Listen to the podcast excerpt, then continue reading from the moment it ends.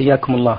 آه شيخ نستهل هذا اللقاء الحقيقة برسالة آه طلبت هذه السائلة أن آه نعرض هذه الرسالة على فضيلتكم وتقومون بقراءتها ثم تردون عليها من خلال برنامج نور على الدرب. وإليكم هذه الرسالة فضيلة الشيخ. الحمد لله رب العالمين وأصلي وأسلم على نبينا محمد وعلى آله وأصحابه ومن تبعهم بإحسان إلى يوم الدين. قرأت هذه الرسالة فوجدتها أن المرسلة قد ابتليت بالوسواس ولعب بها الشيطان ونصيحتي لها أن لا تلتفت لهذه الوساوس وأن تؤمن بالله ورسوله وأن تستعيذ بالله من الشيطان كلما أحست بمثل هذه الوساوس وتمضي في صلاتها وطهارتها واستماعها للأشرطة النافعة وغير ذلك. ولا تهتم بما يلقي الشيطان في قلبها من الأمور التي قد تصرفها عن دين الله عز وجل. ولا تيأس من رحمة الله. ونسأل الله لنا ولها الهداية. وهذا قد ابتلي به كثير من الناس من رجال ونساء. لكن الطريق إلى هذا أن يقول الإنسان أعوذ بالله من الشيطان الرجيم وأن يمضي في أمره غير مبال بما يحدث له من هذه الوساوس. بارك الله فيكم. المستمع سعود العبد الله يقول سافرت بالطائرة وحان وقت الصلاة فما هو الأفضل في حق المسافر؟ الانتظار أم الصلاة في الطائرة؟ أم يصلي إذا وصل إلى المطار؟ آه، الصلاة في الطائرة لا يمكن أن يقوم الإنسان فيها بالواجب. لكن إن كانت نافلة فأمرها سهل. يصلي النافلة وهو على سريره وعلى الاتجاه الذي عليه الطائرة. أما الفريضة فإنه لا يمكنه أن يصليها لأنه سوف يلزم بالقيام والركوع والسجود والاتجاه للقبلة. وهذا لا يتوفر في غالب الطائرات المعروفة عندنا. وبناء على ذلك نقول إذا حان وقت الصلاة وهي مما يجمع إلى ما بعدها وأنت في الطائرة فأخرها حتى تصل إلى المطار وتنزل ثم تجمع جمع تأخير. وإن كانت الصلاة مما لا يجمع إلى ما بعدها كصلاة الفجر مثلا. أو صلاة العصر لا تجمع إلى المغرب أو صلاة العشاء لا تجمع إلى الفجر. ففي هذه الحال لا يصلي أيضا حتى ينزل في المطار ليتمكن من فعل الواجبات. فإن كان لا يمكن الوصول إلى المطار إلا بعد خروج الوقت فهنا يصلي في الطائرة ويتجه للقبلة يعني إذا كانت القبلة أمامه فالأمر واضح. إن لم تكن أمامه فإنه يجب أن يتجه للقبلة وفي هذه الحال سوف نلزمه بالقيام يصلي قائما. والقيام ممكن. فيقوم مثلا من على آه، كرسي ويتجه للقبلة ثم يركع إن تمكن وإلا أومأ أو وإلا حنى ظهره على قدر ما يمكنه. ثم يرفع وعند السجود يجلس ويسجد إن تمكن وإلا فيومي بقدر ما يمكنه. هذا إذا كان لا يمكن أن يصل إلى المطار قبل خروج الوقت. أما إذا كان يمكنه أن يصل إلى المطار قبل خروج الوقت فإنه ينتظر حتى يصل. نعم. بارك الله فيكم. هل ورد الحث على قول لا إله إلا الله وحده لا شريك له له الملك وله الحمد وهو على كل شيء قدير آه، عشر مرات بعد صلاة الفجر وبعد صلاة المغرب فهل ما ورد صحيح فضيلة الشيخ؟ نعم ورد في ذلك حديث حسن مقبول يعمل به نعم. فيقول لا إله إلا الله وحده لا شريك له له الملك وله الحمد يحيي ويميت وهو على كل شيء قدير عشر مرات وفي غيرها يقول لا إله إلا الله وحده لا شريك له له الملك وله الحمد وهو على كل شيء قدير ثلاث مرات يعني يهلل ثلاث مرات بعد الظهر والعصر والعشاء وعشر مرات بعد المغرب والفجر نعم. السائل مصري ومقيم بالرياض يقول ورد أحاديث في النهي عن قرب المسجد لمن أكل بصلا أو ثوما أو كراثا فهل يلحق بذلك ما له رائحة كريهة كالدخان؟ نعم. آه، ثبت النهي في من أكل بصلا أو ثوما أو كراثا أو شيئا كريها أن يقرب المسجد. حتى كانوا يخرجون الرجل يخرجون الرجل من المسجد. إذا دخل وهو قد أكل ذلك أخرجوه منه. لأن هذا يؤذي الملائكة ويؤذي بني آدم. ولهذا ينهى الإنسان عن دخول المسجد إذا كان آكلا مثل هذا ولو في غير وقت الصلاة. ومثل ذلك ما كان مثل ما كان مثله في الرائحة أو أخبث كالدخان الذي يتأذى الناس منه. وهذا مما يدعو المسلم إلى ترك الدخان إذا علم أنه إذا بقيت رائحته حتى يأتي وقت الصلاة وأنه سيحرم من أجل الصلاة فإن هذا مما يزيد المسلم نفورا عن هذا الدخان. والدخان كان الناس يشكون في في أمره أول ما ظهر ولكن بعد أن تبين ضرره البدني والخلقي والمالي. أصبح المنصفون المحققون لا يشكون في تحريمه فهو إضاعة للمال لما ينفقه شاربه من الأموال الكثيرة. وهي وإن كان لا يظهر أثرها لأنها لأنها قليلة بالنسبة للمصروف اليومي لكنها عند اجتماعها تكون كثيرة جدا. ثانيا أنه يضر البدن. فقد ثبت أنه من أسباب سرطان الرئة واللثة وهو أيضا يضر بالخلق. فإن صاحبه إذا تأخر شربه له ضاقت نفسه وساء خلقه وصار لا يتحدث حديثا حسنا لا مع أهله ولا مع أصحابه. ورابعا ما يترتب عليه من ترك الجماعة إذا كان له رائحة كريهة. فنصيحتي لإخواني الذين ابتلاهم الله بذلك أن يتوبوا إلى الله عز وجل من شربه وأن يقووا أنفسهم على تركه وأن يعالجوا أنفسهم في تركه ولو شيئا فشيئا. لأنه قد يصعب على الإنسان الذي ليس له عزيمة قوية أن يتركه مرة واحدة في آن واحد ولكن يمكن أن يجرب نفسه على تركه شيئا فشيئا حتى يسهل عليه الترك. ومن أسبابه من أسباب تركه أن لا يجلس إلى الذين يشربونه. لأنه إذا جلس إلى الذين يشربونه وشم رائحته ورآهم يشربون فقد يعجز عن كبح جماحه ويشرب معهم نعم. بارك الله فيكم. آه، هذا السائل يقول فضيلة الشيخ حدثونا عن فضل الدعاء.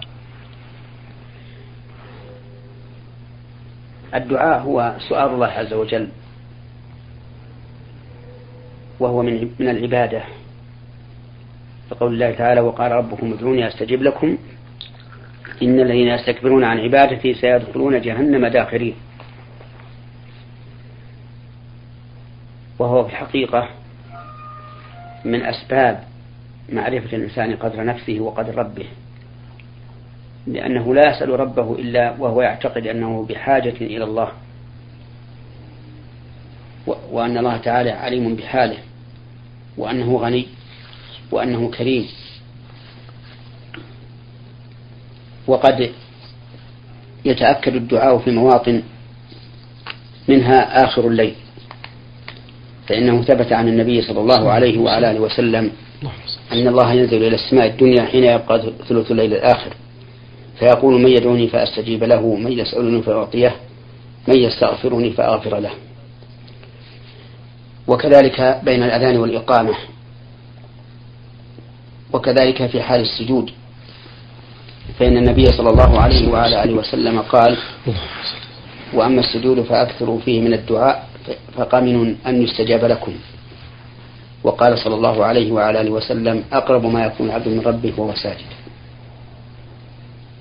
وكذلك عند دخول الإمام يوم الجمعة ما بين مجيئه إلى أن تقضى الصلاة فإن هذا موطن إجابة. فيدعو الإنسان بعد فراغ المؤذن من الأذان وإذا شرع الخطيب في الخطبة سكت ويدعو بين الخطبتين ويدعو في الصلاة في صلاة الجمعة. كل هذا موطن إجابة. وكذلك يدعو إذا فرغ المؤذن من الأذان وصلى على النبي صلى الله عليه وآله وسلم ودعا لنفسه فإنه حري بالإجابة. بل هذا أوسع. فإن كل ما بين الأذان والإقامة وقت إجابة للدعاء. نعم. بارك الله فيكم. هذا السائل يقول فضيلة الشيخ صلاة الكسوف هل ينادى لها مرة واحدة بقوله الصلاة جامعة أو يشرع أو يشرع تكرارها؟ صلاة الكسوف ينادى لها الصلاة جامعة بقدر ما يسمع الناس والمرة الواحدة لا تسمع الناس. لأن لا سيما في بلد تكثر فيه السيارات والأصوات. فيكرر ذلك بقدر ما يسمع الناس إما ثلاثا أو أكثر من هذا. لأن المقصود إبلاغ الناس بحضور هذه الصلاة. نعم. هذا السائل رمز لاسمه بعين راء شين شرورة. يقول فضيلة الشيخ أديت فريضة الحج أنا وزوجة والدي. وعند طواف الوداع في اليوم الأول أتتها العادة الشهرية. فلذلك أدينا طواف الوداع أنا وأخي وهي لم تطوف طواف الوداع. فما حكم ذلك مأجورين؟ آه، الحائض والنفساء لا يجب عليهما طواف الوداع. لحديث ابن عباس رضي الله عنهما قال أمر الناس أن يكون آخر عهدهم بالبيت إلا أنه خفف عن الحائض. وفي الصحيحين من حديث صفية بنت حوي رضي الله عنها أن النبي صلى الله عليه وسلم أرادها فقيل إنها حائض فقال أحابستنا هي؟ قالوا إنها قد أفاضت. قال فلتنفر إذن. فالحائض ليس عليه وداع. لا في حج ولا في عمرة. أما لو حاضت قبل أن تطوف طواف الإفاضة فإنه لا بد أن تطوف طواف الإفاضة فإما أن تنتظر حتى تطهر ثم تطوف وإما أن تذهب وتبقى على ما بقي من إحرامها حتى تطهر ثم ترجع فتطوف. نعم. بارك الله فيكم. هذا المستمع من الجزائر عبد الملك يقول إذا أرادت المرأة الصيام أي صيام النافلة لكن الزوج يمانع آه، من ذلك الصيام هل تطيعه أم لا؟ نرجو بهذا إفادة. آه، إذا أرادت الزوجة أن تصوم صوم تطوع نعم. وزوجها شاهد أي حاضر فإنه لا يحل لها ذلك حتى يأذن لها. فإن منعها حرم عليها أن تصوم لقول النبي صلى الله عليه وسلم لا تصوم امرأة وزوجها شاهد إلا بإذنه. هذا الحديث أو معناه. ولكن ينبغي للزوج إذا رأى من زوجته محبة للصيام وليس عليه في ذلك مشقة ولا تفويت لحقه فإنه ينبغي له أن يأذن لها. لأن ذلك من المساعدة على الخير وهو ينفعها لمباشرتها لفعل الخير وينفعه لإعانته عليه. ثم إن هذا يكون أطيب لقلبها وأقرب إلى قوة محبتها لزوجها حيث لا يعاصرها ولا يمانعها والأمر في هذا سهل. طيب. نعم. آه المستمع من الجزائر أيضا يسأل يقول ما هو النسيء في قوله تعالى إنما النسيء زيادة إنما النسيء زيادة في الكفر. نعم. يضل به الذين كفروا يحلونه عاما ويحرمونه عاما. ليواطئوا عدة ما حرم الله فيحل ما حرم الله. النسيء هو أن الأربع الأشهر الأربعة نعم. الحرم يحرم فيها القتال. وهي ذو القعدة وذو الحجة والمحرم ورجب. فكانوا في الجاهلية إذا أرادوا القتال في المحرم وهم يعتقدون أنه حرام قالوا نؤجل تحريم هذا الشهر أعني شهر محرم إلى صفر. فيؤجلونه ويقاتلون في المحرم ويقولون نحن حرمنا بدله صفر. وهذا تأخير للتحريم من شهر محرم إلى شهر صفر وقد قال الله تعالى إنه زيادة في الكفر لأنه تغيير لما حرم الله عز وجل. ونقل للتحريم من زمن إلى زمن آخر. فلهذا قال الله تعالى إنه زيادة في الكفر يضل به الذين كفروا. يحلونه عاما ويحرمونه عاما ليواطئوا عدة ما حرم الله فيقول نحن حرمنا القتال في أربعة أشهر من السنة. فيحل ما حرم الله يعني يحل القتال في المحرم مثلا. بارك الله فيكم. له آه، فقرة أخيرة فضيلة الشيخ يقول فرقعة الأصابع أثناء الصلاة سهوا هل تبطل الصلاة؟ لا تبطل الصلاة الصلاة فرقعة الأصابع فيها ولكن فرقعة الأصابع من العبث ومن الحركة التي ليست بمطلوبة. وإذا كان ذلك في صلاة الجماعة أوجب التشويش على من يسمع فرقعتها. فيكون ذلك أشد ضررا مما لو لم يكن حوله أحد. وبهذه المناسبة أود أن أقول إن الحركة في الصلاة تنقسم إلى خمسة أقسام حركة واجبة وحركة مسنونة وحركة مكروهة وحركة محرمة وحركة جائزة. أما الحركة الواجبة فهي التي يتوقف عليها آه، فعل واجب في الصلاة.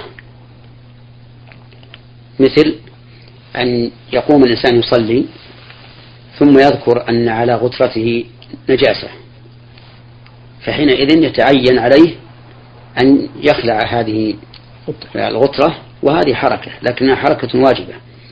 ودليل ذلك أن النبي صلى الله عليه وعلى آله وسلم أتاه جبريل وهو يصلي فأخبره أن في نعليه قدرا فخلعهما النبي صلى الله عليه وسلم في أثناء الصلاة ومضى في صلاته.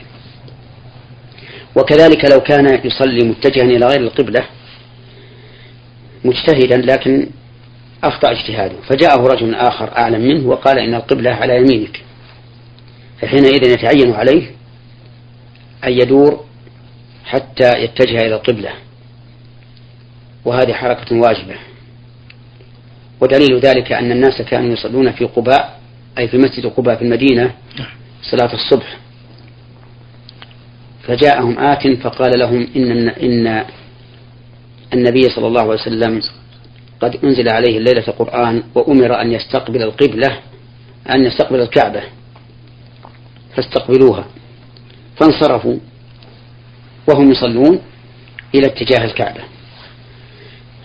هذه حركة واجبة وضابطها أن يتوقف عليها فعل واجب في الصلاة أو ترك محرم. الثاني مستحبة مسنونة وهي أن يتوقف عليها كمال الصلاة.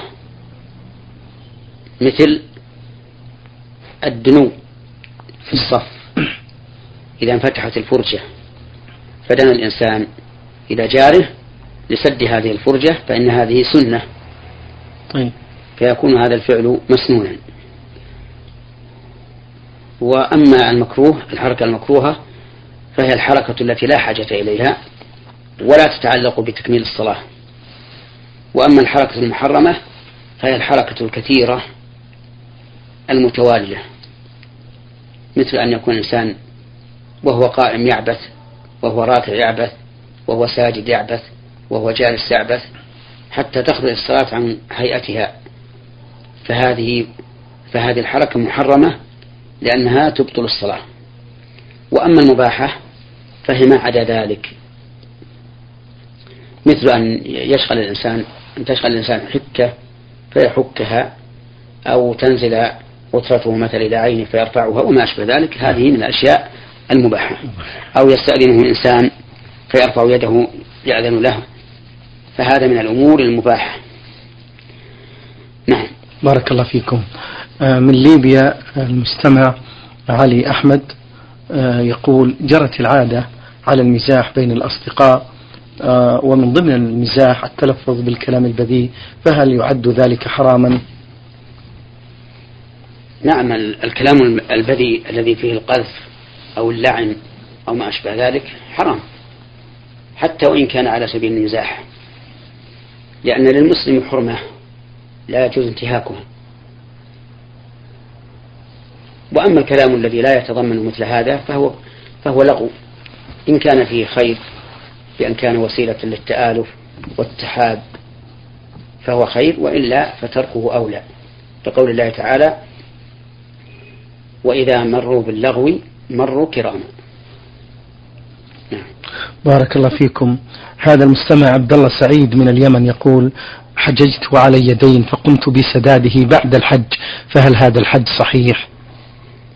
نعم الحج صحيح. ومقبول إن شاء الله. إن شاء الله. وتبرأ به الذمة. لكن من نعمة الله وتيسيره الحمد لله. أن الإنسان إذا كان عليه دين فإنه يوفي الدين قبل أن يحج. لأن الدين سابق ولأن الحج إنما يجب على المستطيع. ومن عليه دين وليس عنده مال إلا بقدر الدين الذي عليه فإنه لا يستطيع الحج. لكن لو خالفه حج فحجه صحيح. نعم. بارك الله فيكم. يقول هذا السائل من اليمن فضيلة الشيخ ما صحة الحديث الذي يقول من تصبح بسبع تمرات لا يضره سحر ولا سم؟ هذا حديث صحيح. إذا تصبح الإنسان بسبع تمرات فإنه لا يصيبه ذلك اليوم سم ولا سحر. لكن في بعض ألفاظ الحديث أن هذه التمرات قيدت بتمر العجوة وفي بعضها قيدت بتمر العالية. فمن العلماء من قال إنه يتقيد بهذا التمر وليس ذلك ثابتا لكل تمر. ومنهم من قال من أخذ بالحديث المطلق وهو أن أي تمر يتصبح به الإنسان فإنه إذا تصبح بسبع تمرات لا يصيبه ذلك اليوم سم ولا سحر. وعلى كل حال فالإنسان إذا أفطر بهذه السبع يعني تصبح بها فإن كان فإن كان الحديث مطلقا حصل له ذلك وإن لم يكن مطلقا وكان مقيدا بتمر العجوة أو بتمر العالية فإن هذه السبع لا تضره. نعم. هذه سائلة تقول في هذا السؤال فضيلة الشيخ رجل سافر وجلس في الغربة أكثر من عشرين سنة ولم يأتهم منهم منه خبر فهل يجوز لهذه الزوجة أن تتزوج أم لا؟ نحن قلنا أنه إذا كان إذا كان تصبح بسبب التمرات ليس على الإطلاق فإنه لا يضره بناء على أن اللفظ المطلق يجب الأخذ بإطلاقه ويكون اللفظ المقيد إذا كان مطابقا للمطلق في حكمه ليس ذلك ليس ذلك على سبيل القيد وإنما هو ذكر لبعض الأفراد بخلاف من أراد أن يتخذ شيئا سنة ولم ولم يرد به نص. فإنه لا يوافق على هذا. لكن هذا قد ورد فيه نص محتمل فنحن نقول ما دام النص محتملا فإن كان الإنسان فإن كان الإنسان بأكله التمرات السبع موافقا لما أراده رسول الله صلى الله عليه وسلم فذاك وإن لم يكن موافقا فإنه لا يضره.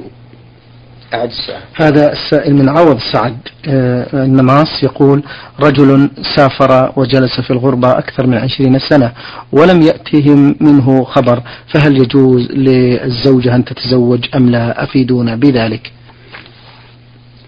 هذا يرجع إلى المحكمة الشرعية فعلى هذه الزوجة إذا كانت لا تريد الصبر والانتظار أن تراجع المحكمة في هذا. نعم. طيب. نختم هذا اللقاء يا فضيلة الشيخ بسؤال لأحد الإخوة يقول صلى بنا رجل مسلم آه، وسلم بنا آه، تسليمة واحدة عن يمينه. هل يجوز الاقتصار على واحدة؟ يرى بعض العلماء أنه يجوز الاقتصار على واحدة أي على تسليمة واحدة.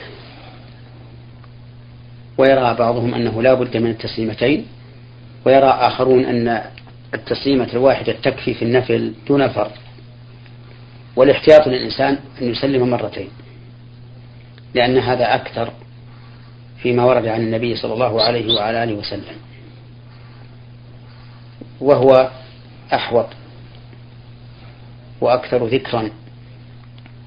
ولكن إذا سلم الإمام مرة واحدة وكان المأموم لا يرى الاقتصار على واحدة فليسلم المأموم مرتين ولا حرج عليه في هذا.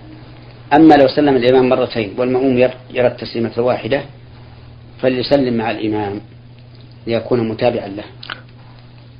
الفقرة الثانية في هذا السؤال صلى الإمام بجماعته على غير وضوء نسيانا فما حكم الصلاة؟ صلاة المأمومين نرجو إفادة بذلك مأجورين صلاة المأمومين صحيحة. نعم.